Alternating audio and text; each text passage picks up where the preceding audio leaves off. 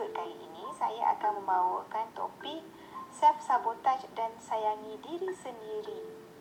Di mana saya bersama seorang sahabat saya, Iris Manaf, uh, kenalan yang saya dah lama kenal masa saya praktikal dulu.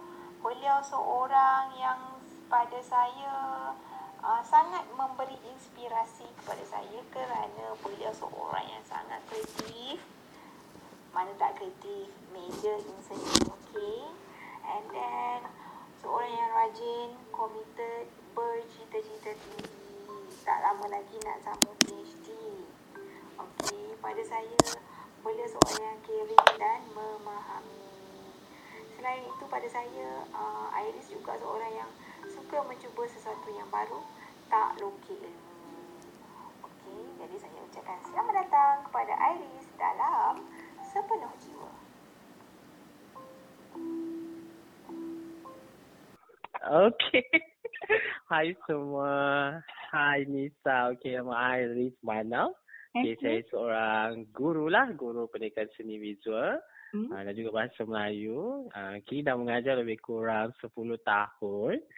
Okay, uh, itulah sebut sedikit. Um, InsyaAllah saya akan menyambung PhD pada ujung tahun ni. Uh, hmm. Itu saja. Kelas John. Kelas gitu.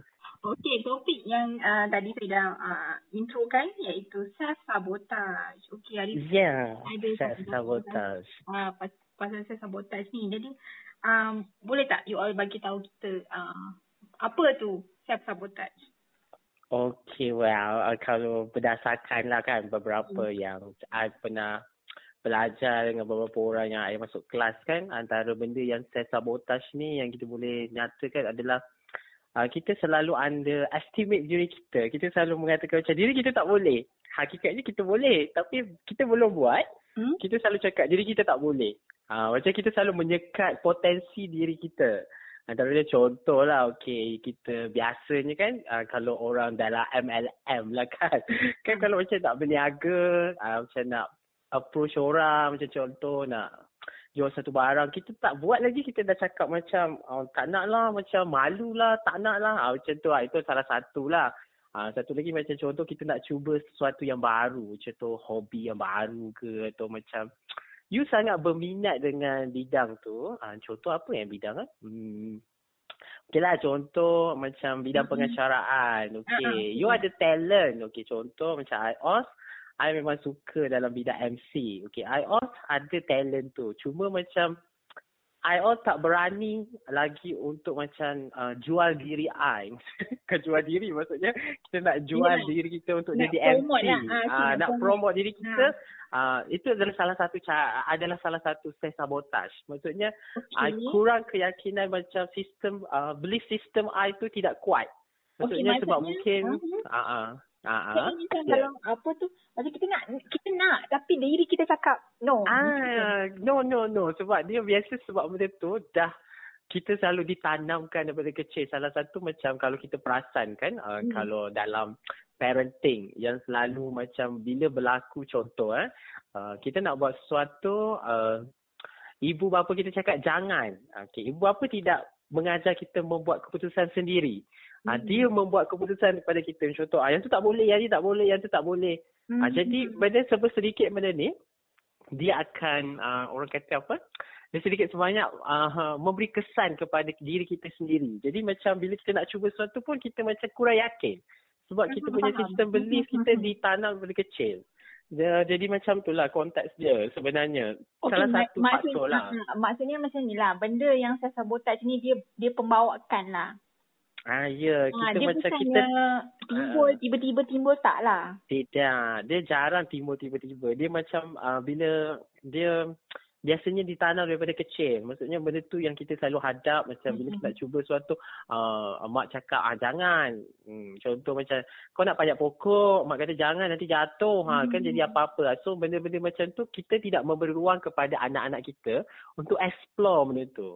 Actually lepas tu dengan kata-kata perkataan yang sepatutnya macam kita boleh tukar situasi negatif tu jadi positif tapi kita selalu di di apa dimomokkan dengan benda yang negatif. Jadi bila kita dimomokkan dengan benda, benda yang Hmm. negatif menyebabkan kita pun memang akan ada kita ditanamkan dengan benda yang uh, negatif. Sebab kalau kita sedar uh, dalam usia kita usia uh, kanak-kanak ni dalam usia 2 ke 3 ke 7 tahun tu unconscious mind kita ni sangat aktif. Maksudnya Mhm. minda separuh sedar kita ni sangat aktif. Jadi benda-benda tu bila kita dah dibiasakan benda tu akan tertanam tau seumur hidup kita. Yelah, dia macam Ah. kita blok kan. Ah, ya. Yeah. Serap, menyerap, menyerap lah. Ah. Kita serap, kita serap. Tapi kita punya efek dia tu sampai sekarang. Ah sebab dia sebab dia serap dekat unconscious mind, minda separuh sedar. Kalau minda sedar, ah kita sedar benda tu. Jadi kita tidak ah, kita akan mula berfikir. Jadi bila dia diserap kepada minda separuh sedar, Hmm. dia akan sikit sebanyak memang dia akan jadi macam sebati dengan diri kita. Jadi untuk kita ubah tu kita lah kena ubah benda tu. Kita kena selalu bercakap dengan diri kita. Ah gitu. Okey. Ah, Tapi macam tu. kadang-kadang, okey. Kan, kan you cakap macam ni. Okey, ah, kita gitu. Kita kena kita kena ubah diri kita. Tapi kan kita tak sedar. Kita, kita, kita tak sedar yang kita tengah self-sabotage. Ah, okey. Dia macam ni lah. Maksud dia macam ni. Uh, biasa kita suka monolog kan dengan diri kita. Betul tak? Kita suka monolog dengan diri kita macam bila kita Tetapi berhadapan dengan sesuatu. Okey, ah, okay. Bila ada masalah, yes. Kita macam... kita akan bermonolog kan dengan sesuatu. Ah, Actually sebab kita pandang benda tu dengan sudut negatif. Okey. Okey. Cuba you all ubah monolog yang dengan diri sendiri kita monolog dengan uh, Allah Subhanahu Taala atau atau Tuhan. Contoh macam First kita kena bersyukur lah oh, macam contoh lah kan. Oh, ya Allah seronoknya hari ni dapat makan apa-apa-apa. Ya Allah aku rasa nanti aku nak nak sambung belajar contoh. Ah, ya Allah kau bantulah aku. So benda bila kita, kita monolog sebab kita sebenarnya ada Tuhan. Setiap agama dia ada Tuhan dia kan. Ha. jadi macam bila kita ubah monolog dengan diri kita sebab kita sedar yang kita ada Tuhan dan kita sebenarnya hanyalah uh, takdir kita ni sebenarnya dah ditentukan. Jadi macam uh, bila kita nak ubah pemikiran kita tu, bila kita dekatkan dengan Allah, actually benda tu sikit sebanyak dia akan masuk kepada unconscious mind kita dan kita akan menarik benda tu. Kita akan Okey. menarik apa yang kita selalu ungkapkan, selalu niatkan. Ha, kalau you all selalu pernah dengar macam Prof Muhaya cakap kan, Ah. Contoh, ada sayang, beri sayang, dapat sayang. Ah, itu salah satu yang Hmm. kita kena faham sebab bila kita ada rasa sayang pada diri kita, kita akan beri sayang tu dekat orang. Bila kita dah bagi sayang ke orang, secara tidak langsung kita akan dapat sayang tu balik. Ah, dia samalah macam self sabotage tu. Kalau you tak belajar untuk sayang diri you all, you akan sentiasa ada self sabotage. Okey. Ah, Tadi yang you all cakap kan, kita kena monolog diri kita. Maksudnya kita kena, maksudnya salah satu cara untuk kita um, sedar yang kita ni, uh, I mean, salah satu cara kita nak kurangkan self-sabotage ni adalah Ya. dengan bermonolog dengan diri. Betul tak? bermonolog lah, bermonolog dengan diri, bermonolog Maksudnya dengan Tuhan bercakap macam tu. diri dan, oh okey, okey. Kena cakap dengan Ah. diri dan uh, bergantung pada Allah, berdoa lah macam itu. Ya, ya. Sebenarnya macam konsep berdoa lah. Self sabotage ni kita berlaku dalam keadaan tidak sedar. Jadi, kita kena sentiasa macam berdoa dan ingatkan diri kita untuk sentiasa uh, bertindak dalam keadaan kita sedar. Ha, sebab kadang-kadang kita tak sedar yang kita tu sabotah diri kita. Sebab tu, uh, salah satu yang I belajar, uh, kita kena setiap hari tu kita kena ada senang kata orang kata macam vision board lah. Kita ada misi kita, kita Hmm. ada apa yang uh, kita kena ada sentiasa muhasabah diri sebelum tidur supaya kita tengok okay, apa benda yang tak patut aku buat, yang patut aku kurangkan.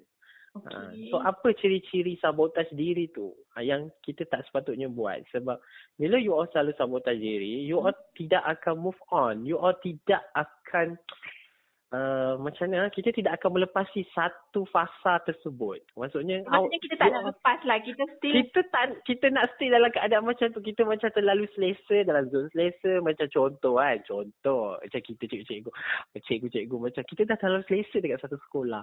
Ah, tak nak lagi sekolah baru. Macam mm, nanti kan banyak pula kerja macam Hmm. takut lah nak pergi sekolah baru macam Hmm. kenapa pentadbir yang macam ni ah, itu antara salah satu kita self sabotage kita Hmm. Ah, kita macam kita tak kita tak lalui lagi tapi kita dah buat andaian-andaian negatif. Ah So, gitu. okey. So maksudnya kalau, kalau kita macam tak membuka diri kita Ya. peluang yang baru. Jadi kita kat situlah konsep kita akan Ah, salah satu self sabotage. Maksudnya kita akan berada pada tahap yang sama.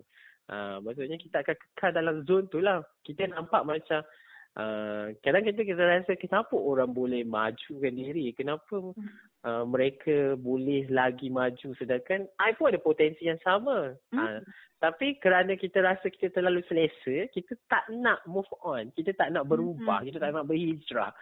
Uh, sedangkan hijrah tu satu yang baik. Uh, jadi macam kita akan ditakut lama lah. So hmm. itu salah satu sebenarnya sabotage di stress sabotage. Bila you tahu you ada potensi hmm. pada satu-satu bidang atau apa dah saja kan. Uh, mungkin you ada memang ada potensi dalam bidang tu. Hmm. Tapi you menidakkan potensi diri you kerana you rasa macam ah tak apalah. Sekarang pun hmm. selesa je. Ha, sedangkan... Wah, you so me. I macam you know me kan ha I macam kan kita kita bersembang-sembang I macam alah tak apalah you kan rajin you kan ni I macam tak oh, ha, itu I salah satu saya sabotage lah tu oh kan? no Ah, itu salah satu set sabotage lah sebenarnya. Macam kita menidakkan potensi yang kita ada. Yelah. Hmm. I I rasa myself also diri sendiri I rasa I memang selalu self sabotage myself because um, macam you cakap tadi, memang I tak tak apa tak ada keyakinan diri, tak nak open. Rasa uh, macam, alah tak apalah, apa yang aku ada ni dah okey dah. Ah, macam gitu. Uh, ya, yeah, kerana kita sentiasa dimomokkan dengan uh, daripada kecil. Kita punya sistem beli, uh, apa? Sistem kepercayaan tu. Sistem kepercayaan itu yang dibentuk daripada kecil yang menyebabkan kita jadi apa yang kita jadi sekarang. So, bila kita tidak sedar tentang benda tu, you tak cuba nak ubah sistem kepercayaan itu, you akan terus berlalu begitulah. Ha, macam hmm. sebab tu you kena dikelilingi oleh orang-orang positif dan kalau ada peluang dan ruang, uh, ikutilah macam I rasa antara yang I suka ikuti promo hayang, uh, macam hmm. itulah. Okay, Satu uh, sebab tadi. bila you ikuti, you akan dapat sesuatu yang macam, oh ini sebenarnya yang tak patut aku buat. Ah ha, macam tu. Lepas tu I suka ikut Riza Rashid. Ada beberapa orang yang macam dia sangat uh, positif. So bila you positif, mm-hmm.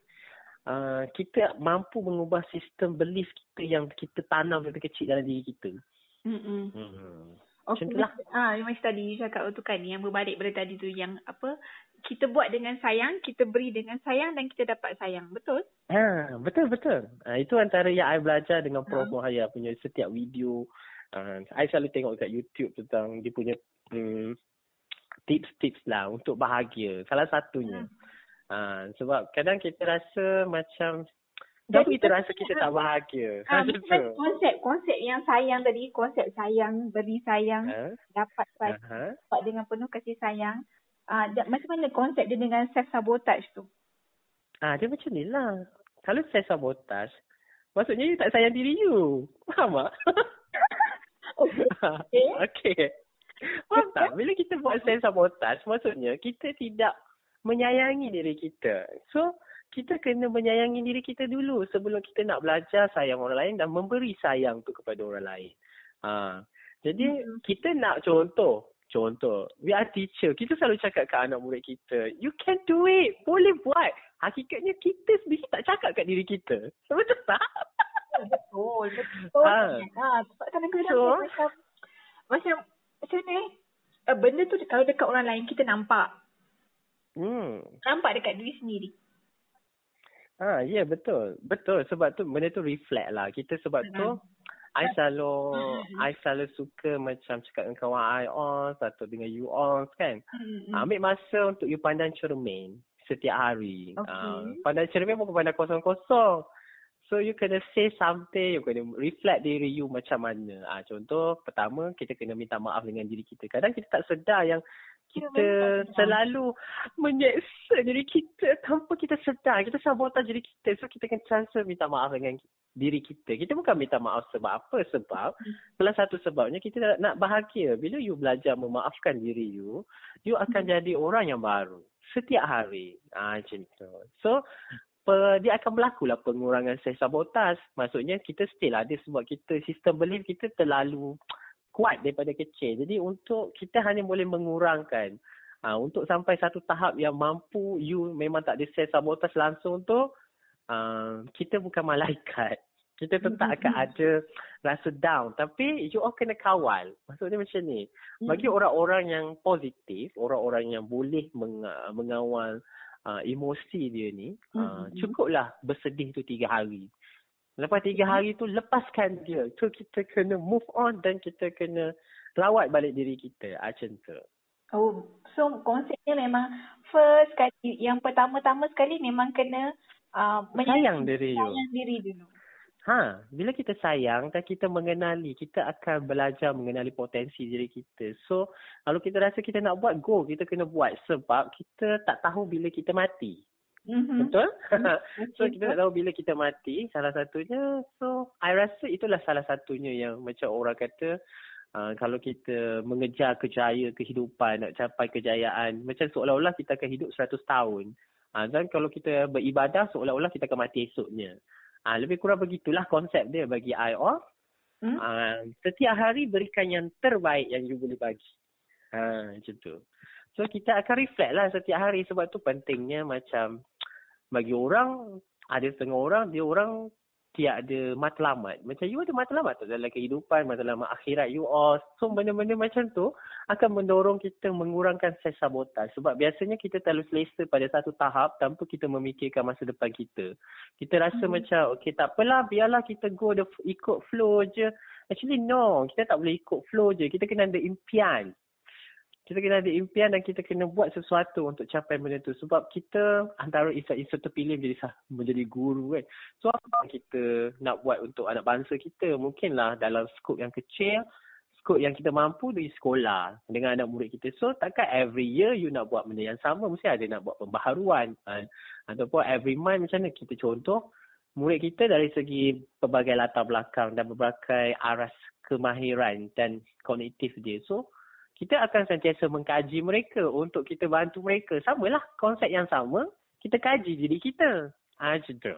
Hmm. Untuk uh, okay. tingkatkan ya, kita tidak bersaing dengan orang lain. Ha, ya, itu ha. yang selalu kita terlepas pandang tau. Kita always ah, kita terlepas pandang. murid, tapi kita terlepas pandang pada diri kita.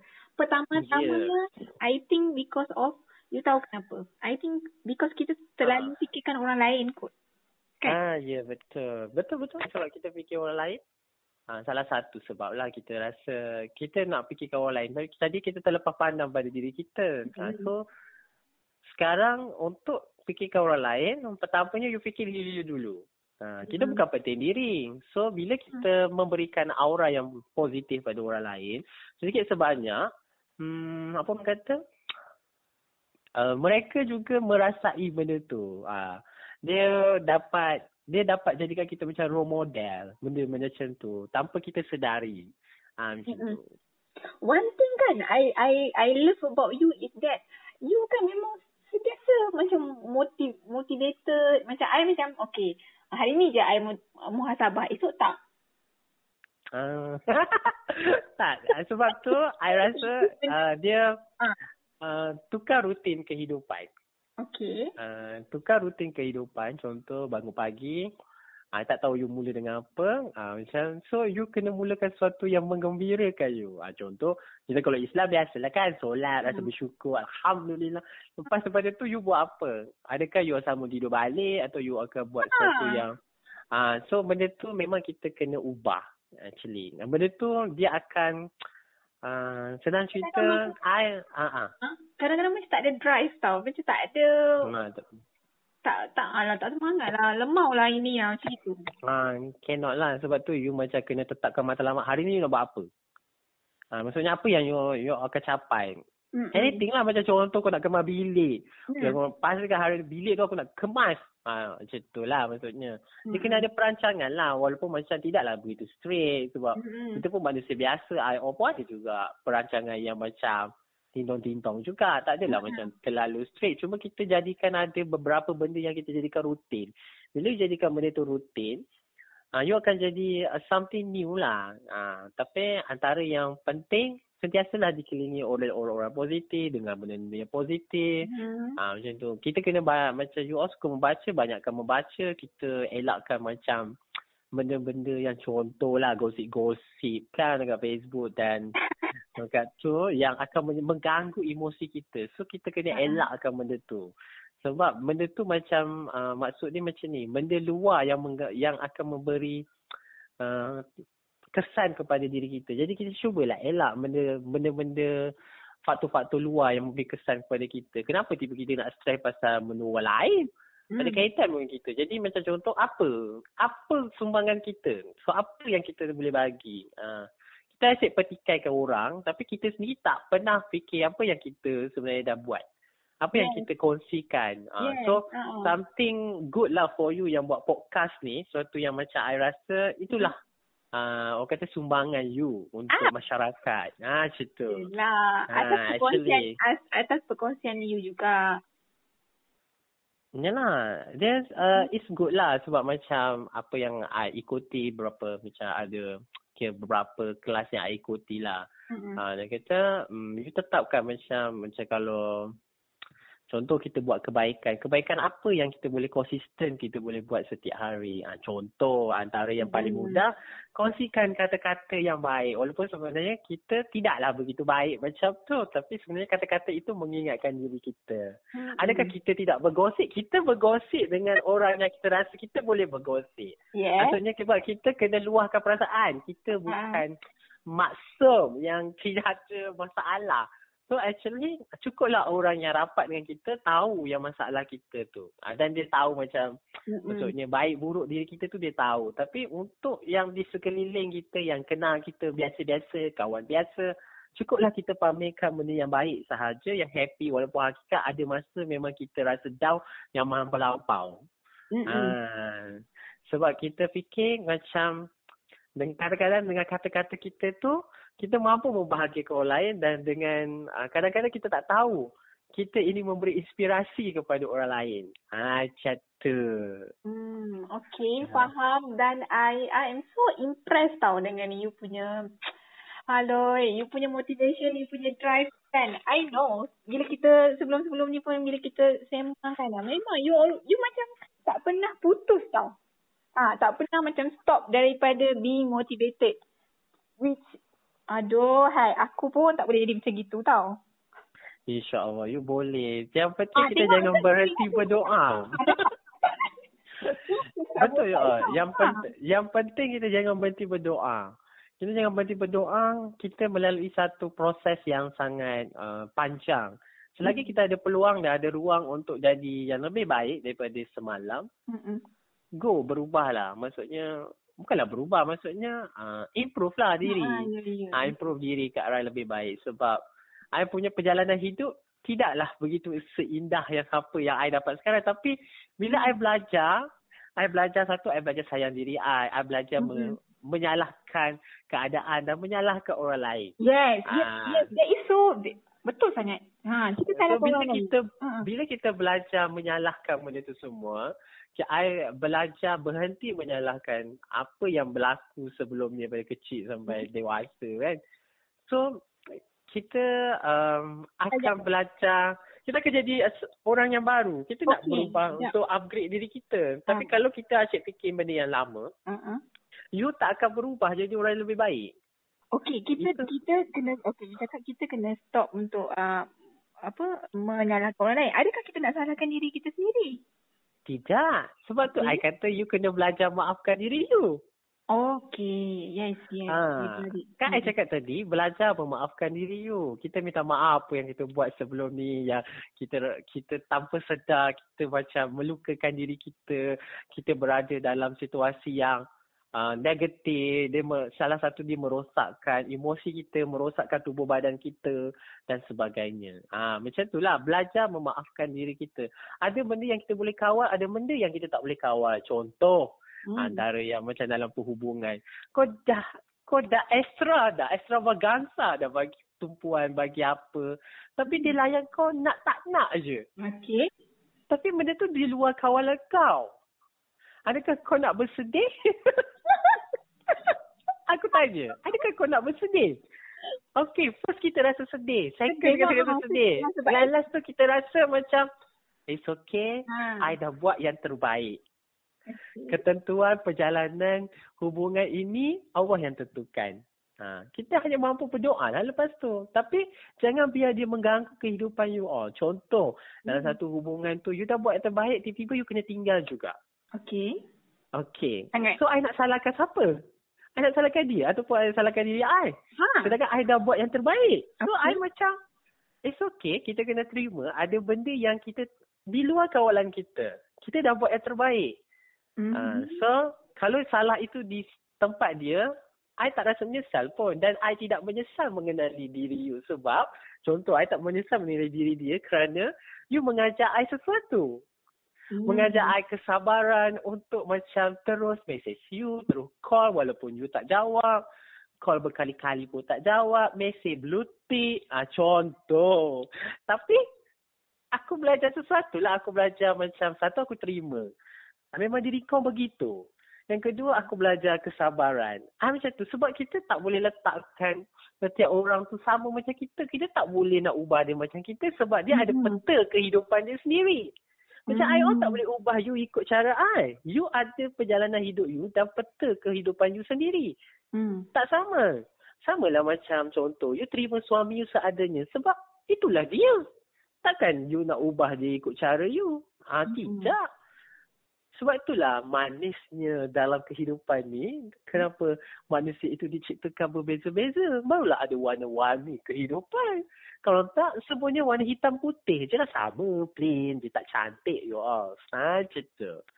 Nah, satu yang kena kita kena belajar macam mana kita belajar untuk terima anak murid kita Mm-mm. yang pelbagai aras. Sama Mm-mm. juga kita kena terima orang dewasa Mm-mm. yang mungkin usia kita yang sama tapi kita rasa kenapa kau ni macam tak matang langsung. Mm-mm. Ah, ataupun macam ada benda yang macam kenapa kau tak boleh fikir macam gimana kita fikir. Tak boleh lah. Sebab mungkin ada faktor-faktor yang berbeza yang menyebabkan pemikiran dia begitu. Dan kita tak boleh nak letakkan semua orang macam kita. Ah, gitu. So kalau you selesa, contohlah dalam berkawan, you rasa you boleh go on dengan mereka, go on. Kalau you rasa macam tak selesa dan you sendiri tahu diri you, contoh, I all sensitive. Hmm. I tak boleh jenis macam cakap-cakap lepas kau nak mengata tiba-tiba kan nanti bergaduh. Jadi aku Hmm. tidak akan uh, kawan macam biasa tapi tidak akan rapat. Urusan penting sahaja. Bukan benci tak benci pun.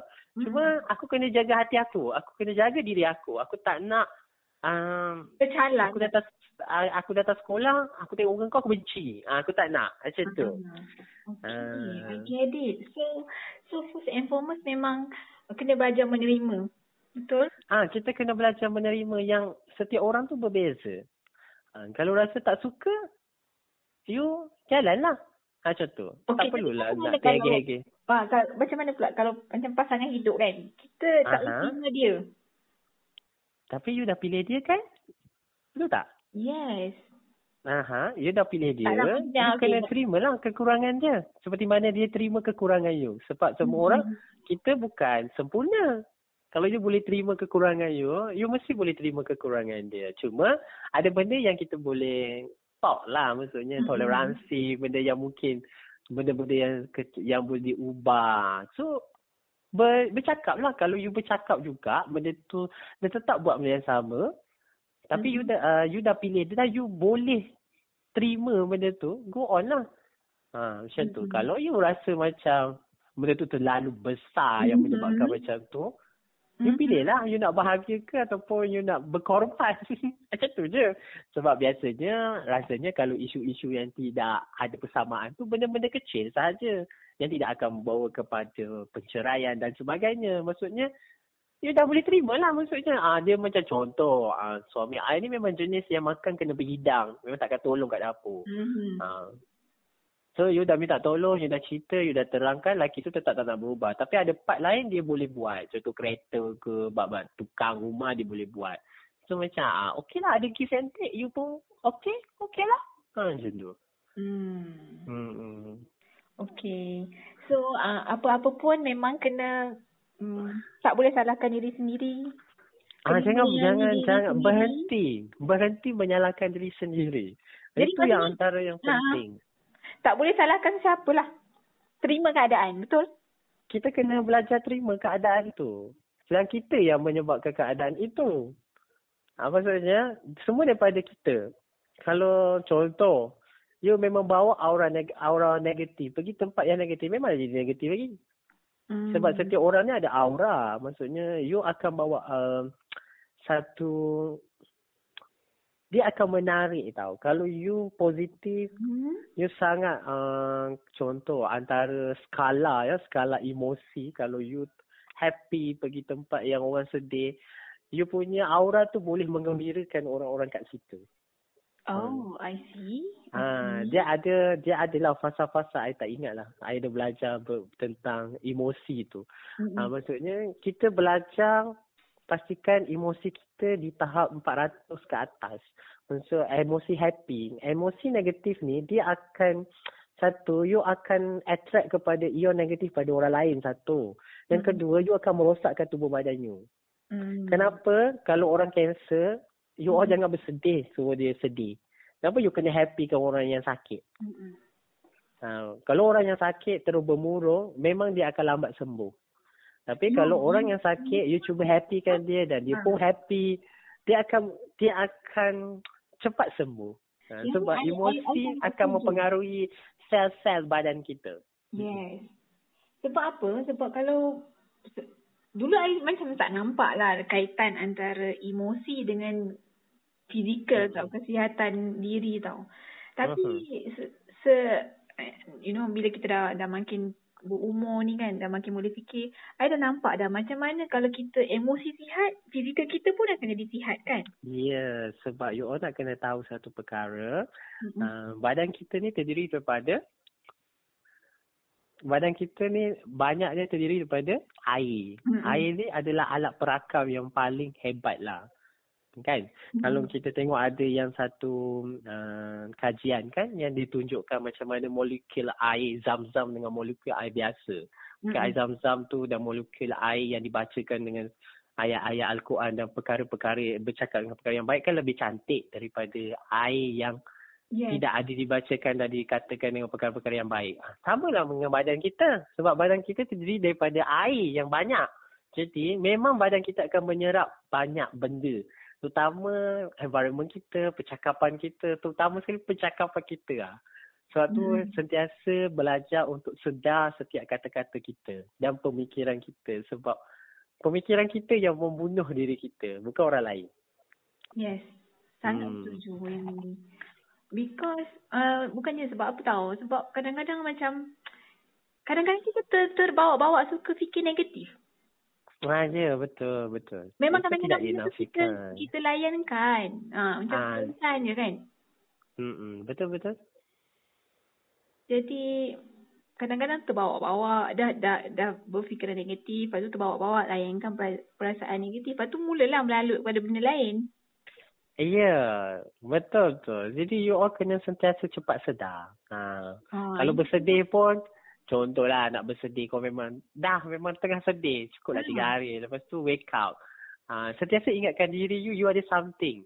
Macam contoh macam I kan, macam kan ada juga fasa yang bersedih, ada benda yang macam menggugat jiwa dan perasaan tapi macam selalu selalu ingatkan dia, okay, aku ada misi, aku ada matlamat, aku kena tolak tepi benda ni sebab aku ada benda yang lagi penting. Ha. Mm-mm. So aku akan cuba elakkan benda ini akan mempengaruhi jiwa aku ha, macam tu. Dan perasaan aku. Aku kena tolak benda tu. Maksud aku kena adjust benda tu sebab aku ada satu lagi matlamat lebih penting. So sebab itulah kita kena ada matlamat hidup. Ha, matlamat hidup, matlamat akhirat kita, macam itulah. Apa kita nak. Sebab penting. Sebab itulah kalau boleh you buat vision board. Kan? Ah, Mhm. lepas tu selalu, selalu buat my movie. Benda tu selalu baca ke apa yang you nak nak dalam tempoh ni, tempoh ni, ah macam tu. So, dia sebelum tidur, terutama sebelum tidur sebab dia akan masuk dalam unconscious mind. Ah, dalam minda separa sedar. Ha, jadi bila dia masuk, benda tu akan terakam, terakam dan kita punya keinginan kuat ke arah itu, kita akan menarik benda tu. Ha, dia macam konsep law of attraction. Hmm. Okay, you rasa kan, mas, okay, dulu kan, dulu maksudnya macam kalau kita selalu dengar berapa jangka masa yang berapa berapa lama kita ambil masa untuk ni. Untuk kita, kalau kalau I start lah kan, I dah buat, buat agak berapa lama? Berapa lama? Dia jadikan rutin je 40 hari. dia akan berubah. Dia akan Oh, berubah. Jadi memang betul lah 40 hari tu. Dan sebenarnya tak 40 hari pun 30 hari. Cukuplah cabar diri you 30 hari untuk hmm. ubah rutin hidup you. You akan jadikan benda tu rutin dan benda tu akan sentiasa sama. Ha, macam tu lah untuk upgrade diri you. Sikit-sikit lah. Kita tidak drastic. Ha, macam tu. Okay. okay. contoh hari ni you ada benda. Okay, hari ni I tambah baik apa. Okay, esok I nak tambah baik apa. Yang dah tambah baik tu kekalkan. Tambah baik pula lagi esok. Ha, macam tu. Hmm. Ha, tapi semuanya berbalik pada diri kita dan dan banyakkan berdoa. Kadang-kadang kita tak mampu. Doa hmm. je yang I rasa antara benda yang I belajar Mm-mm. Bila you berdoa, you akan dapat lalui keadaan itu dengan baik. Mm-mm. Okay. Then you ada spesifik doa tak? Ah, spesifik doa, oh antara yang I selalu amalkan, mm-hmm. I suka amalkan Asmaul Husna. Adalah beberapa Asmaul Husna macam Allahumma ya barik, itu untuk menguruskan kehidupan you. Ya Rahman ya Rahim, untuk wujudkan kasih sayang dalam diri I dan untuk I sayang orang. Mm-hmm. Uh, apa lagi ya? Uh, Ya Fatah, Ya Gafu tu untuk macam buka hati I untuk minta maaf dan minta maaf untuk diri I. So, uh, Ya Alim, Ya Hakim ni untuk pasti untuk I setiasa amalkan supaya I sedar dan berfik, uh, fikiran I cerdas. Maksudnya bijaksana, itu yang maha hmm. bijaksana yang Alim, Ya Hakim tu. Untuk otak I sentiasa pick up dengan keadaan I. I kena alert. Maksudnya I tidak boleh dipengaruhi dengan emosi I berlebihan. Mm-hmm. Dan setiap kali I nak bercakap, I kena sentiasa kena pastikan yang I bercakap tu I fikir dulu sebelum I cakap. Hmm. Ha, itu antaranya lah. Lepas tu amalkanlah uh, doa Nabi Musa. Uh, Robi Soli Sadri wa Yasili Amri walau datang lisani yakau kauli. Itu antara doa yang sedikit sebanyak akan menenangkan diri you yang akan bagi memudahkan segala urusan-urusan you. Hmm. Uh, itu antara yang biasa I amalkan setiap hari lah. Ha, banyak lagi juga. Tapi yang antara yang menarik, you kajilah Asma Husna. Itu yang I boleh kata. Mm-hmm. Wow, Sebagai... this is so... Is, uh, bukan bukan I tak tahu benda ni. Kadang-kadang kita tahu. Tapi bila kita cakap dengan seseorang ataupun kita dengar orang lain cakap, dia lagi dekat kot. Hmm, mungkin. Kan? Hmm. Ha. Ya, betul kadang-kadang rasa macam lah tak apalah mungkin uh, ataupun kita macam formil I I think I macam pandang remeh lah benda ni. Uh, so kita kena ber, kita kena lah berani mm-hmm. berimpian tinggi so kita kena berubah macam tu. Uh, uh, antara yang you all kena jaga minda you all, pemakanan you all. Pemakanan kena jaga sebenarnya. Sebab mm-hmm. pemakanan mempengaruhi emosi. You all kena hmm. tahu antara pemakanan yang mengganggu emosi ni bahan yang banyak perisa. Mm-mm. Banyak gula, itu salah satu yang akan merosakkan sel otak. Ha, sebab tu kalau boleh jagalah sel otak you supaya otak you boleh berfikir dengan waras. Yeah. Ha, dan tidak dipengaruhi dengan emosi. Yeah, yeah. Ha, elakkanlah benda-benda yang berperisa, gula putih dan sebagainya. Macam itulah. Tu antara kita kena belajar. Ini uh, hmm. ni masa-masa tengah lockdown ni apa yang rutin you all buat untuk stay motivated? Oh, stay motivated. Hmm. I biasa macam bangun pagi macam biasa tu kan. Then I sentiasa uh, workout, I sentiasa hiburkan diri I dengan memasak makan. So I make sure ada hari-hari yang I akan keluar. Uh-huh. Walaupun sekadar macam berpusing tanpa beli apa-apa pun macam keluar lah juga. Sebab kita pun kadang mandam ya kita perlukan udara ya ha, macam tu ha, lepas tu uh, I ada buku yang I suka baca ha, macam tu lah buat sesuatu yang kita happy ha, macam tu Yelah. Kena gembira diri you lah. Macam tu. Tengok Korea ke apa saja yang you orang rasa gembira. Yang boleh gembirakan diri you. Ha. Hmm. Itu antaranya lah.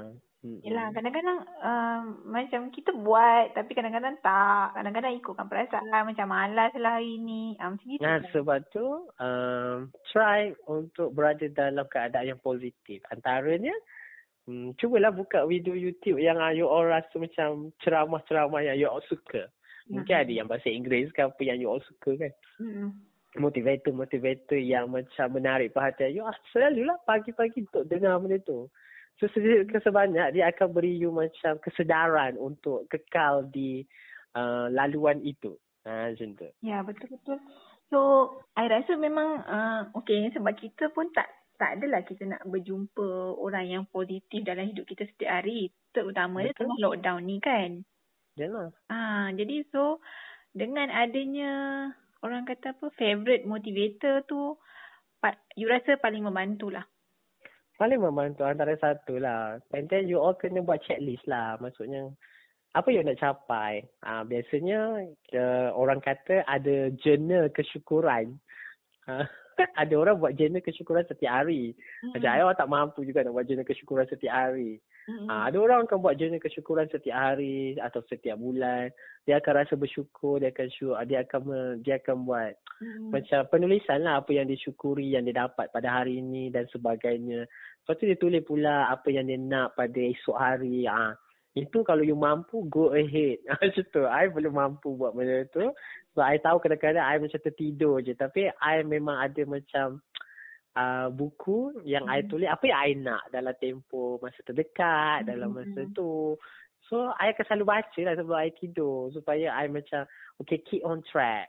I kena Hmm. sedar yang aku ada sesuatu yang aku nak capai. Uh, bukan hidup semata-mata, okay, bangun tidur, bangun Hmm, tidur, tengok. TV, tidur, makan, tak ada apa-apa pencapaian.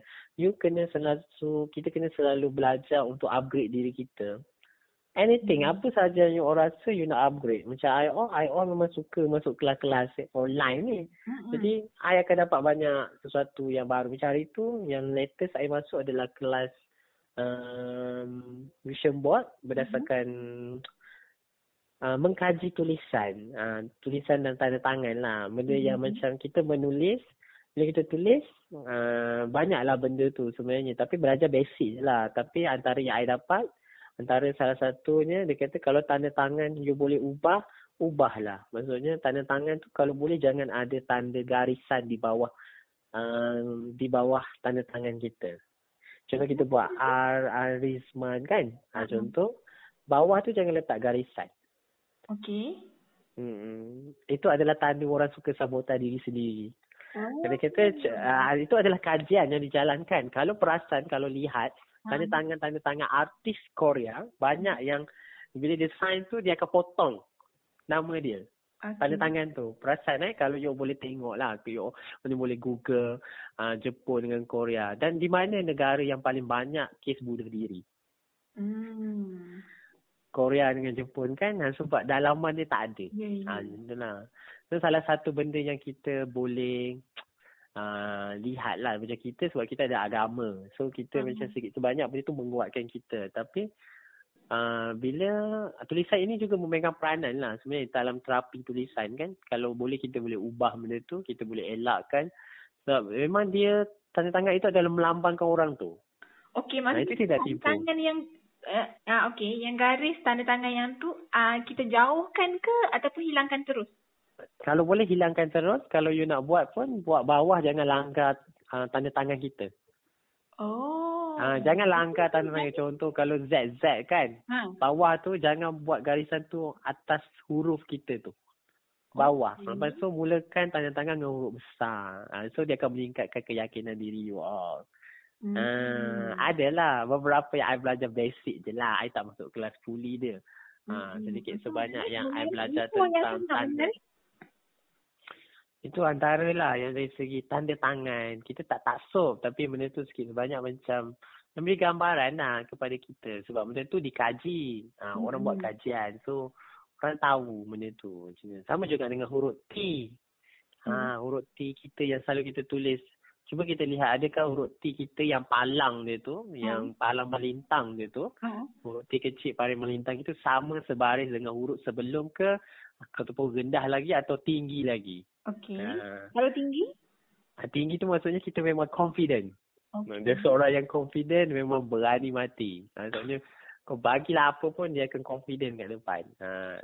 Oh. Kalau rendah daripada huruf sebelum tu, ha, dia ke orang yang kurang confident. Kurang confident, Ha, okey. Kalau kalau langgar tu dia macam kejap okey kejap tak. Ha, macam tu.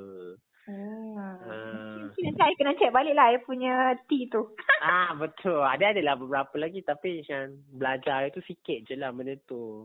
Ha, cuma sebab hari tu belajar more kepada vision board. Ha, vision board lah. Mm-mm. Sebenarnya kita selalu buat tapi macam kita tidak kenapa kita rasa benda tu tak capai. Ha, mungkin tu Allah tak bagi lagi pada masa itu. Ha, Mm-mm. macam tu. Lepas tu kenapa kita buat tu kita tak rasa sebab kita tidak buat dengan dengan rasa tau. Kita hanya menulis. Kita tidak ada, kita tidak berimpian tinggi. Maksudnya kita tidak letak ke perasaan kita. Ha, kita Hmm. kena masukkan semua tu dengan elemen-elemen kasih sayang kau tu. Kena masuk bila menulis impian tu. Ha, macam tu lah. Ya Allah, memang perkongsian yang menarik lah dalam episod kali ni. Ya, insyaAllah. Nama mana okey lah. Bagus jugalah bila you uh, cakap benda macam gini then I kongsi. It's not for me je tau. Untuk bukannya untuk I seorang je benda ni. Tapi bila kita boleh kongsi macam ni memang akan insyaAllah lah untuk touch juga hati orang lain kan. Ah, hope so sebab kadang-kadang kita tak tahu siapa yang kita menginspirasikan Ah, macam tu. Betul. Ha, ha, moga perkongsian ni bagilah sesuatu yang orang kata mungkin ada orang yang memerlukan kata-kata ini dan nasihat ini. Yeah. So, ini salah satu lah yang Mm-mm. kita boleh buat dan korang boleh buat. Ha, betul betul. ha, sebab antara yang kita nak dalam hidup kita, kita nak bahagia. Mm-mm. Apa bahagia kita? Bahagia kita tak sama dengan bahagia orang lain. Ada setengah orang bahagianya ah, dengan beli banyak rumah. Ada orang rasa bahagia dengan makanan dan sebagainya. So, kita kena tahulah diri kita. Kita kena kaji setiap potensi diri kita. Ah, Hmm. Okey. Okey, Mm-mm. sebenarnya pendengar ini adalah kawan saya yang saya rasa memang dia selalu memberi dengan kasih sayang. Ah, yang dia dia cakap yang uh, kita dengar ni pun sebenarnya saya rasa memang dia bercakap dengan penuh kasih sayang dan saya bila share dengan orang lain, saya rasa orang lain pun akan rasa dia punya kasih sayang dan dia pun akan InsyaAllah, uh, I doakan you pun akan dikurangkan Amin. dengan kasih sayang. InsyaAllah. Okay, you all.